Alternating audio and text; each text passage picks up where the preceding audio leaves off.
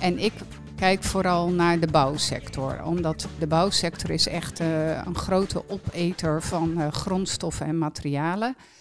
En wij werken met studenten die dan voor uh, de Hilver of voor de Tilburgse Bouwhub allerlei dingen uitrekenen om te laten zien dat als je met de circulaire economie aan de slag gaat, dat, dat dat geld oplevert.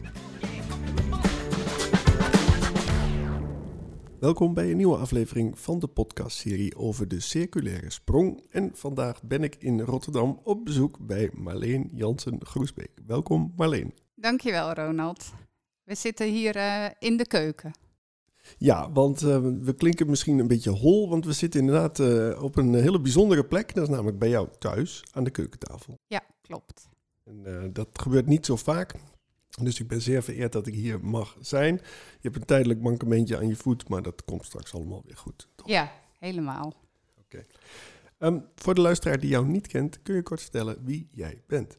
Ik ben acht jaar uh, lector bij Avans Hogeschool Sustainable Finance and Accounting. En een van de dingen die ik doe die uh, van toepassing is op uh, ons project De Circulaire Sprong, is dat ik onderzoek doe naar circulaire accounting hoe kan je op een betere manier boekhouden, zodat uh, bedrijven beter in de gaten hebben hoe hun circulaire prestaties eruit zien.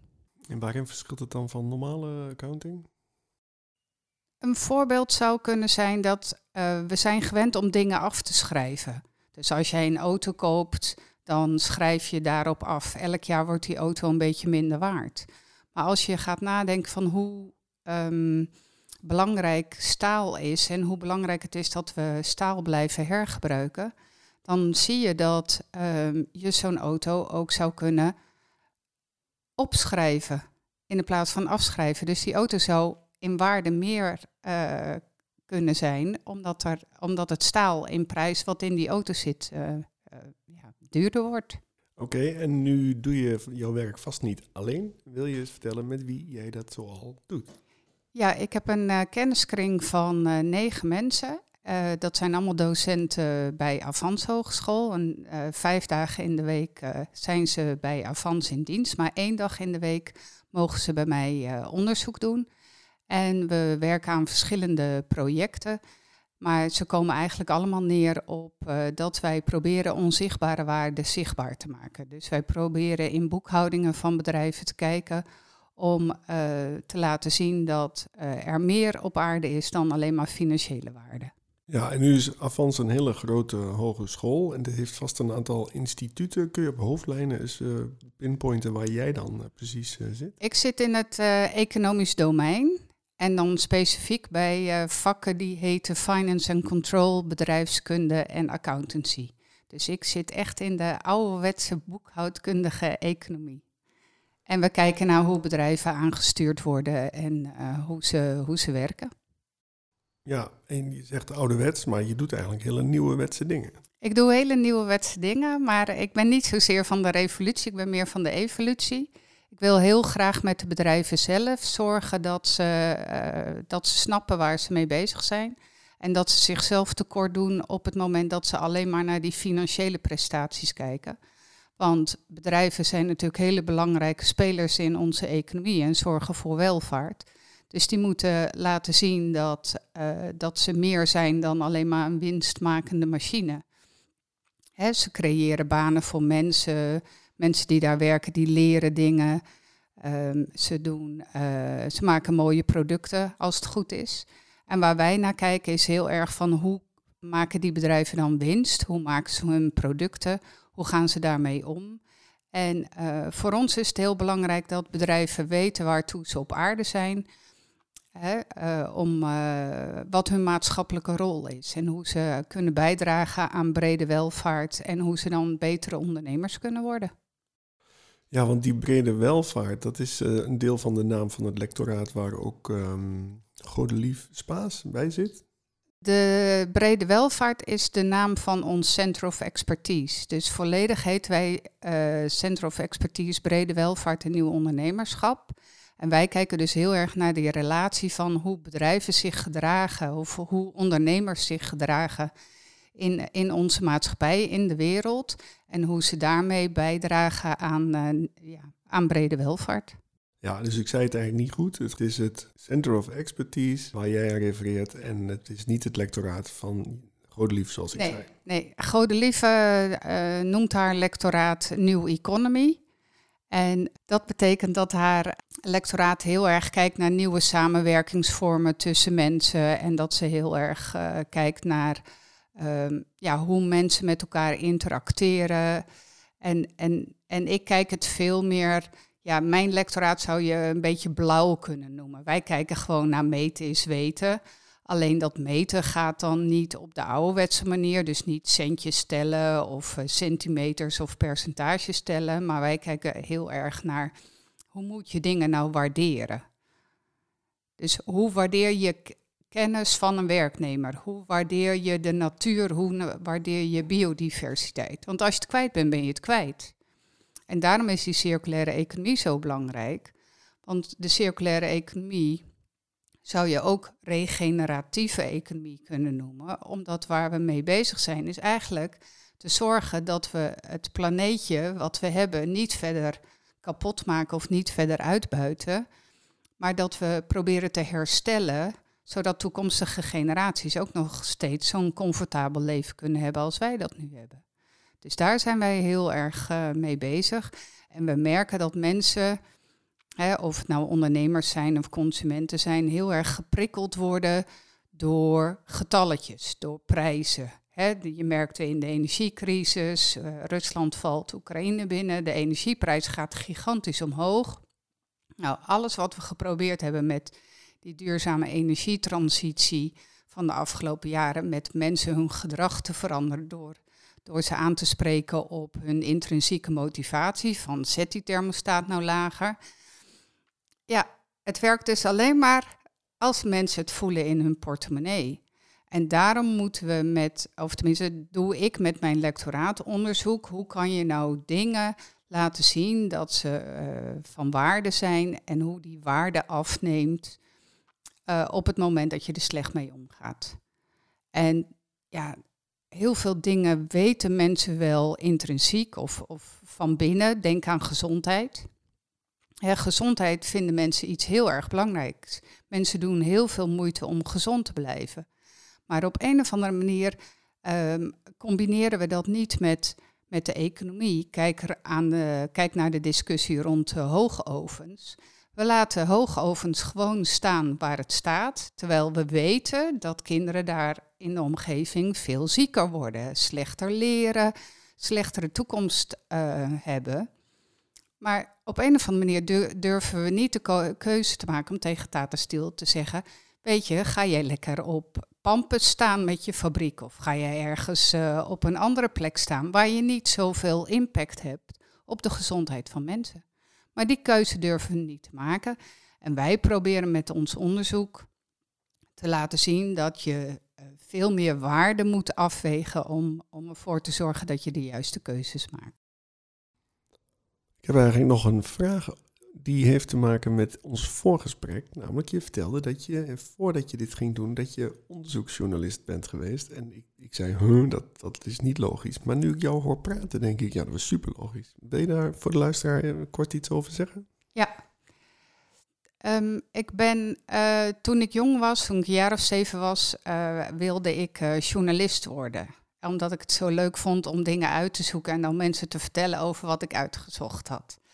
En ik heb dus uh, op de lagere school in de schoolkrant gezeten en op de middelbare school in de schoolkrant gezeten. En uh, toen ik uh, op de economie studeerde, toen heb ik ook nog in twee bladen gezeten. In het economieblad van de economische faculteit en nog in een feministisch blad van, van de Universiteit van Amsterdam. En uh, dus ik had altijd in mijn hoofd gezet, ik wil per se journalist worden. En ik ben altijd heel erg economisch geïnteresseerd geweest. Dus die combinatie was, nou, ik ga economie studeren en daarna word ik economisch journalist. Nou, daar ben ik ook geworden. Ik heb uh, bijna twintig jaar bij het Financiële Dagblad gewerkt. Daar allerlei functies gehad.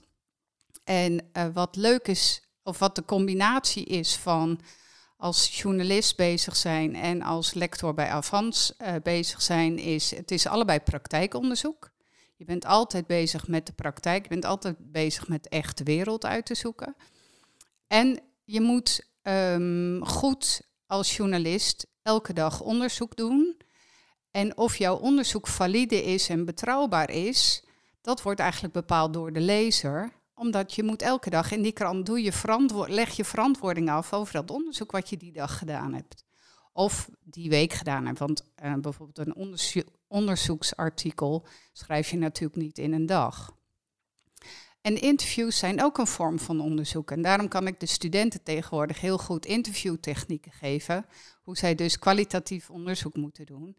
Want je legt ook heel erg uit van eh, dat je jezelf altijd meeneemt naar een interview. Dus, dus jouw blik op de wereld, jouw, jouw visie op hoe de wereld eruit ziet, bepaalt ook heel erg wat voor vragen je stelt, hoe serieus je de antwoorden neemt van degene die tegenover je zit. Dus uh, ja, uh, lector zijn en journalist zijn, uh, ja, dat lijkt heel erg op elkaar.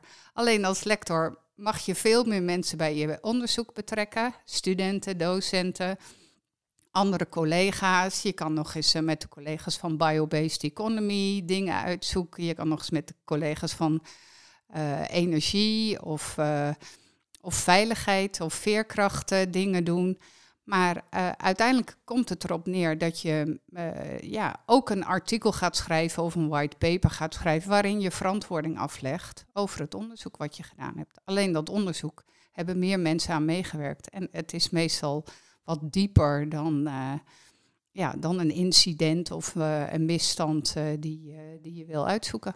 Ja, als ik dat zo beluister, dan zou een medium als de correspondent zou ook wel iets voor jou zijn om in te publiceren. Zeker, maar ik zou Follow the Money vind ik nog leuker. Ja, ik ben echt een superfan van Follow the Money. Vooral ook omdat zij, het heet Follow the Money, maar ze zijn eigenlijk met dezelfde dingen bezig als ik met mijn lectoraat bezig ben van, ja, we, we maken allerlei economische keuzes. Maar zijn dat nou wel de juiste keuzes en wegen we wel de juiste economische waarde af? Dus dat vind ik heel erg interessant. Dus uh, Erik Smits en zijn team uh, ben ik uh, grote fan van. Nou, dat klinkt uh, supergoed. Ik, ik, ik, lees af en toe ook wat en ik, ze hebben ook wel podcast-afleveringen. Dus super interessant. Maar um, even terug naar de circulaire sprong, want we hebben het nog niet gehad over waarom je daarbij bent aangehaakt. Ja, de Circulaire Sprong is echt een heel mooi programma waarin wij ja, eigenlijk verder gaan uitzoeken van hoe kan je nou die gedragsverandering bij ondernemingen en bij uh, mensen bewerkstelligen. En het mooie van de Circulaire Sprong is dat het een, een programma is waarbij je eigenlijk ongebreideld studenten kan inzetten om die studenten zelf change agents, zoals dat dan heel mooi heet, te laten zijn. Ja, change agent is natuurlijk gewoon hoe kunnen studenten vanuit hun eigen motivatie, vanuit hun eigen houding zorgen dat de bedrijven waar zij actief zijn of de organisaties waar zij mee bezig zijn, dat die ook veranderen richting die circulaire economie. En dan komen we weer terug op die circulaire economie, waarbij het gaat van we moeten die die planeet niet steeds uh, ja, verder uitbuiten. Hè. 12 april was weer Overshoot Day, waarbij we eigenlijk alle grondstoffen en alle dingen waar wij van leven alweer helemaal opgebruikt hadden. Dus we, leven vanaf uh, gisteren alweer op de pof van de aarde.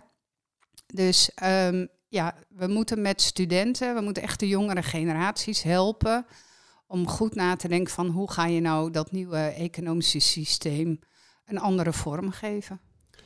Ja, de oplettende luisteraar die denkt, hé, hey, dat overshoot day, daar heb ik wat uh, over gehoord. En dat was de aflevering met uh, Brainport Smart District, waar Olaf Blauw daar het een en ander over heeft verteld. Dus uh, luister die aflevering nog eens terug als je daar meer over wilt weten. Het is een raar idee dat we op de POF leven voor de rest van het jaar. Ja, ja het, is, het is een concept bedacht door een Amerikaan. Maar hij wilde, uh, die Amerikaan wilde heel graag uitleggen dat uh, we eigenlijk op de grote voet leven. En uh, dat mensen in arme landen, in Afrika of in Azië of in Zuid-Amerika, ehm, ja, die willen ook graag een vergelijkbare welvaart hebben zoals wij die hebben.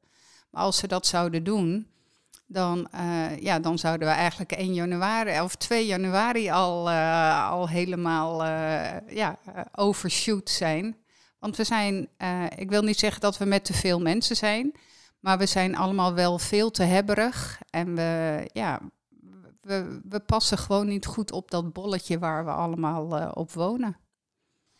Ja, nu is de circulaire sprong uh, al een tijdje van start, maar het loopt ook nog geruime tijd. Kun je eens wat vertellen over de doorlooptijd en dan nog tegelijk ook jouw doelen en, en wanneer is het voor jou geslaagd? In principe lopen we, hebben we nog twee jaar. We hebben een eerste periode gekregen van, uh, van vier jaar, waar we ja, al die living labs, zoals we dat noemen. Dus uh, ja, fysieke labs waar studenten en docenten en de lectoren dan met elkaar onderzoek doen naar die circulaire economie en dan de verschillende onderdelen daarvan.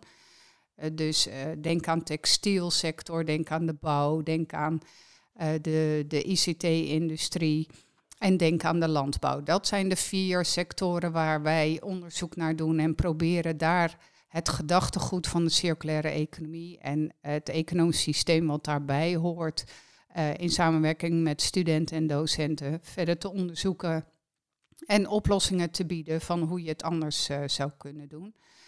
Um, als, uh, als we aan het eind van die vier jaar goed hebben laten zien dat, dat, dat wat wij doen nuttig is en zoden aan de dijk zet, dan kan en dat besloten worden door de subsidieverstrekker. Of, uh, of we nog een keertje vier jaar door kunnen gaan. Dus uh, in principe zouden we nog, uh, nog zes jaar door, door, kunnen gaan met het nadenken en het onderzoeken van hoe we nou in Nederland van die lineaire economie, dus alles gebruiken en dan weer weggooien, kunnen gaan naar die circulaire economie, waar waarbij we proberen dat we alle grondstoffen en alle materialen die we gebruiken weer proberen in, uh, in het economisch systeem te brengen. Waardoor er gewoon meer overblijft voor toekomstige generaties. Ja, en uh, de naam van de subsidieverstrekker mag je zeker even noemen. De subsidieverstrekker is het Nationaal Regieorgaan SIA. En dat is speciaal een, een, of een, een onderdeel van het hele subsidiehuis van, uh, van de overheid voor, uh, ja, voor universiteiten en hogescholen. En SIA is speciaal opgericht voor uh, subsidieverstrekken voor onderzoek aan uh, hogescholen. Ja, en dat is daarmee een belangrijke partner in dit. Uh, dat is daarmee een belangrijke partner in dit project. Zijn er meer partners waarmee jij samenwerkt? Ik hou me vooral bezig met circulaire accounting in de bouw. En Godelief houdt zich veel meer bezig met uh, de voedselketen. Die is ook actief uh, bij de Kleine Aarde in Bokstol. Uh, Karen houdt zich, uh, Karen Jansen van Avans Hogeschool Associate Lector, die houdt zich heel erg bezig met de textielindustrie. Die kijkt heel erg naar uh, katoen en hoe dat gerecycled kan worden in de, in de keten. En, ehm, en die drie thema's die, ze, die worden ook opgepakt door Jifke Sol en en Jos Pietersen, want zij werken ook samen met, uh, met de organisaties die veel meer in Oost-Brabant zitten. Wij zitten weer meer in West-Brabant. En ik kijk vooral naar de bouwsector, omdat uh, de bouwsector is echt uh, een grote opeter van grondstoffen en materialen. En wij werken met studenten die dan voor de Hilver of voor de Tilburgse Bouwhub allerlei dingen uitrekenen om te laten zien dat als je met de circulaire economie uh, aan de slag gaat, uh, dat, dat dat geld oplevert. Dus uh, twee studenten, Tom en, en Hanneke, hebben onderzoek gedaan naar de kostprijsberekening van nieuwe materialen en oude materialen, of gerecyclede of circulaire materialen. Dat hangt er een beetje vanaf van hoe je het definieert. En zij hebben dus laten zien van hoeveel ja, hoe duur het is in financiële zin. Maar zij hebben ook laten zien van uh, de fijnstof en de CO2. Uh, eh, al die aspecten hebben zij ook meegenomen. En daarmee laat je zien dat circulaire producten aantrekkelijker kunnen zijn om in te zetten bij, uh, bij de bouw. En dat moet ook wel, want de overheid heeft wettelijk bepaald of wettelijk bepaald dat dus de bouw. ehm, de overheid heeft wetgeving ingesteld waarbij bepaald wordt dat eh, de bouwers eh, een zeker aantal procenten van hun materialen eh, circulaire materialen moeten laten zijn. En ja, dat is best wel moeilijk voor de bouwers, want zij zijn gewend om heel snel ja, langs de bouwmarkt, zal ik maar even heel simpel zeggen, langs de bouwmarkt te gaan. En dan eh, allemaal nieuwe materialen te halen. Dat is het meest efficiënt. Maar als je moet gaan nadenken van, ik heb eh, volgende week voor dit pand eh 26 recyclede toiletpotten nodig. Hoe ga je dan zorgen dat die twe- eh, 26 toiletpotten er ook werkelijk zijn? Dus daarvoor is ook, eh, zijn verschillende partijen actief die zorgen dat dat vraag en aanbod tussen eh, circulaire producten, van circulaire producten, eh, ja, met elkaar uitgewisseld worden. En daar is ook de Tilburgse Bouwhub voor, eh, voor opgericht. Maar wat je ziet is dat ehm, eh, commerciële bedrijven al zich opstellen als een makelaar in die circulaire producten. Dus dat ze dan een pand afbreken en daar komen dus heel veel materialen uit. En dan gaan ze al zeggen van, oh, we hebben dit allemaal beschikbaar, wie is geïnteresseerd? Dus voordat dat pand überhaupt eh, uit elkaar gehaald wordt en neergehaald wordt, hebben ze die materialen die in dat pand zit al verkocht aan een volgende partij om te zorgen dat het, eh, ja, dat het gebruikt gaat worden. Ja, toevallig is er in Den Bosch, waar ik woon, eh, zag ik van de week dat er een flat werd gesloopt en daar waren de kozijnen al uitgehaald. En ehm, dat, dat viel mij op eigenlijk als belangrijkste. Ik heb niet gelet op de toiletpotten. Ja, toilet, toiletpotten zijn, eh, zijn relatief eenvoudig. Ehm, omdat dat een, ja, daar, eh, daar gebeurt weinig eh, schade aan. Hè, er kan wel eens een, een schilfertje van af zijn, maar toiletpotten zijn heel erg goed te recyclen. Gipsplaten, systeemplafonds, hout natuurlijk, staal. Ehm, ja, dat zijn allemaal eh, grondstoffen die vrij simpel eh, te hergebruiken zijn. En precies wat jij zegt, kozijnen. Maar daar heb je tegenwoordig ook weer. ehm, hè, we, zitten nu in de keuken van een jaren dertig huis. Eh, daar zijn de deuren kleiner van dan de, de deurhoogte lager dan de deurhoogtes die we nu nodig hebben in moderne huizen, omdat we allemaal een stukje groter zijn geworden. En bijvoorbeeld de trap waar ik dus af van ben gevallen, die heeft te smalle treetjes. Die trappen zouden nu niet meer in moderne huizen eh, neergezet eh, mogen worden, want tegenwoordig moet je grotere treden hebben. Ja, maar we kunnen die deuren wel een beetje upgraden, zodat ze langer worden, toch? Ja, zeker. En we zijn natuurlijk ook heel druk bezig met het renoveren van jaren 30, jaren 40 huizen. En daar heb je dan weer die oude materialen van die oude huizen voor nodig. Want die mensen willen heel graag in een jaren 30 huis wonen met originele eh, elementen. Dus, eh, dus als we zeggen van we willen in de bestaande bouw ook veel meer eh, recycled materiaal, circulair materiaal gebruiken. Ja, dan, dan, dan moet je ook de materialen gebruiken uit de, de oude huizen die je gaat eh, renoveren of gaat afbreken. Ja. Voor de luisteraar die denkt, nee, ik vind dit heel erg interessant. Hoe kunnen ze het beste contact opnemen met jou? Ze kunnen naar de, de website van, eh van Avans Hogeschool gaan. En eh, daar staat een hele beschrijving van wat, wat mijn lectoraat doet. Er zitten in, op de website staat er een, een header en die zegt onderzoek. En daar kan je mij onder vinden, op vinden. Maar eh, je kan ook eh, naar LinkedIn gaan en eh, daar, daar ben ik ook heel gemakkelijk te vinden. En dan zie je ook allerlei dingen die we al gedaan hebben met de studenten. Is er afsluitend iets wat ik nog niet heb gevraagd, wat je graag zou willen toevoegen?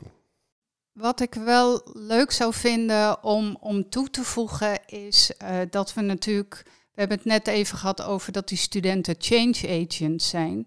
En wat mij heel erg ehm, ja, motiveert om hiermee verder te gaan, is dat we natuurlijk bezig zijn met de toekomst van de studenten. Eh, de, ik, ik ben over, eh, nou zeg het, eh, 25 jaar ben ik er niet meer. En dan eh, zullen we zeggen van, eh, wil je toch het gevoel hebben dat je iets achtergelaten hebt waar de studenten of waar de jonge mensen van nu iets mee kunnen doen. En wat, wat ik heel erg belangrijk vind, is dat wij als uh, lectoren of als onderzoekers of als docenten bij de hogeschool de studenten in hun waarde zetten, in hun kracht zetten, dat ze zelf die nieuwe toekomst kunnen maken. Is er in het kader van deze podcastserie uh, iemand naar wie jij graag eens zou willen luisteren? Ik vind, als je kijkt naar mijn vakgebied waar ik ook uitkom, uh, finance en accounting, zou ik het heel leuk vinden om Willem Schramade een keertje uh, in een podcast uh, te horen over wat hij, hoe hij nou de rol ziet van de financiële sector bij de circulaire economie. Want we merken bij ons onderzoek dat um, het financieren van circulaire oplossingen nog heel erg lastig is, omdat uh, partijen die dit soort dingen zouden moeten financieren, heel erg gebonden zijn aan regels zoals we die afgesproken hebben uh, in de boekhouding of in de accountancy. Dus we hadden het net over afschrijvingen, het definiëren van restwaarden. Uh, wat heel erg moeilijk is voor circulaire economie, is dat je afval mag je niet al onmiddellijk als grondstof weer op je balans zetten. Dus dus je hebt een partij hout, dat is gedefinieerd als afval, maar dat mag je niet onmiddellijk weer voor een volgend project als, uh, als, een, als uh, hout met waarde op jouw balans zetten. Dat is heel raar. Dat hebben we nou eenmaal afgesproken in die accountancy-regels. Dus, en de financiële sector is heel erg belangrijk bij het bepalen uh, van de waarde van panden, van huizen. En, en dus moet die financiële sector ook met die accountants gaan praten van hoe kunnen we dat nou veranderen, zodat we de werkelijke waarde van circulaire producten kunnen herkennen. En Willem, ja, die houdt zich al heel erg lang bezig met, uh, met finance, sustainable finance, zoals dat dan heel chic heet. En die zou dus uh, daar uh, zijn licht over kunnen laten schijnen. Is er een podcastserie waar jij graag naar luistert? Ja, maar dat, dat ligt een beetje buiten uh, um, het, het, dagelijks werk wat ik uh, doe. Ik ben een enorme geschiedenislezer. dus de BBC heeft een podcast die heet In Our Time. En daar nodigen ze dan wetenschappers of specialisten op een bepaald onderwerp uit. En dat varieert tot de de grot van Plato tot uh, de, de slag bij, Crécy uh, midden in de honderdjarige oorlog. Of uh, de Theory of Justice van, van Rawls, waar ik dan weer op afgestudeerd ben. Dus ja, ik luister heel erg graag naar podcasts over geschiedenis. Waarom? Omdat ik denk dat wat wij nodig hebben eigenlijk allemaal al bedacht en uitgevonden is maar dat we dat eigenlijk vergeten zijn. De, economie is daar ook een, een, een voorbeeld van. We denken dat het economisch systeem zoals we dat nu hebben, dat dat het enige economische systeem is. Maar als je kijkt naar de geschiedenis van het economisch denken, er zijn zoveel economische modellen. Het is echt idioot dat we, daar, uh, ja, dat we die vergeten zijn of uit het oog verloren zijn of negeren of ik weet niet wat we doen. Maar we moeten veel meer naar die reuzen kijken uit het verleden, op wiens schouders wij nu staan. En uh, dat, we, dat we weer eens gaan herontdekken wat voor goede ideeën er eigenlijk al, uh, al liggen. Nou, dat lijkt mij een mooie oproep aan uh, alle luisteraars om mee af te sluiten. En ik wil je dan ook bedanken voor dit gesprek. Graag gedaan. En als je terugkijkt op dit gesprek, wat is jouw eerste reactie? Ik vond het een heel erg leuk, uh, leuk gesprek. Ik uh, moest uh, zelf heel goed nadenken um, over, ja, over mijn eigen ideeën. Want ja, je zit zo in je eigen hoofd, daar hoef je, hoef je eigenlijk zelden reflecteer je daarop. Maar ik vind de podcast echt een geweldige vorm om op je eigen ideeën te reflecteren. Nou ja, en ik denk ook dat veel mensen gaan reageren op dit verhaal. En dan krijg je weer nieuwe ideeën of je komt, komt samen vast een stukje verder. Dus, uh... Ja, ik, ik, ik vind het heel erg leuk uh, als, uh, om dingen met andere mensen te doen. En het mag mij uit alle disciplines zijn, van psychologie tot eh, tot ja, hele, hele actualiteit. Hè? Als je het nou e-, echt hebt over de blauwste van de blauwste economische vakken. Dus, dus uitrekenen van wat iets waard is in de toekomst. Maar ook, ook mensen die gewoon ja, een, een idee hebben, laat maar komen. Altijd leuk.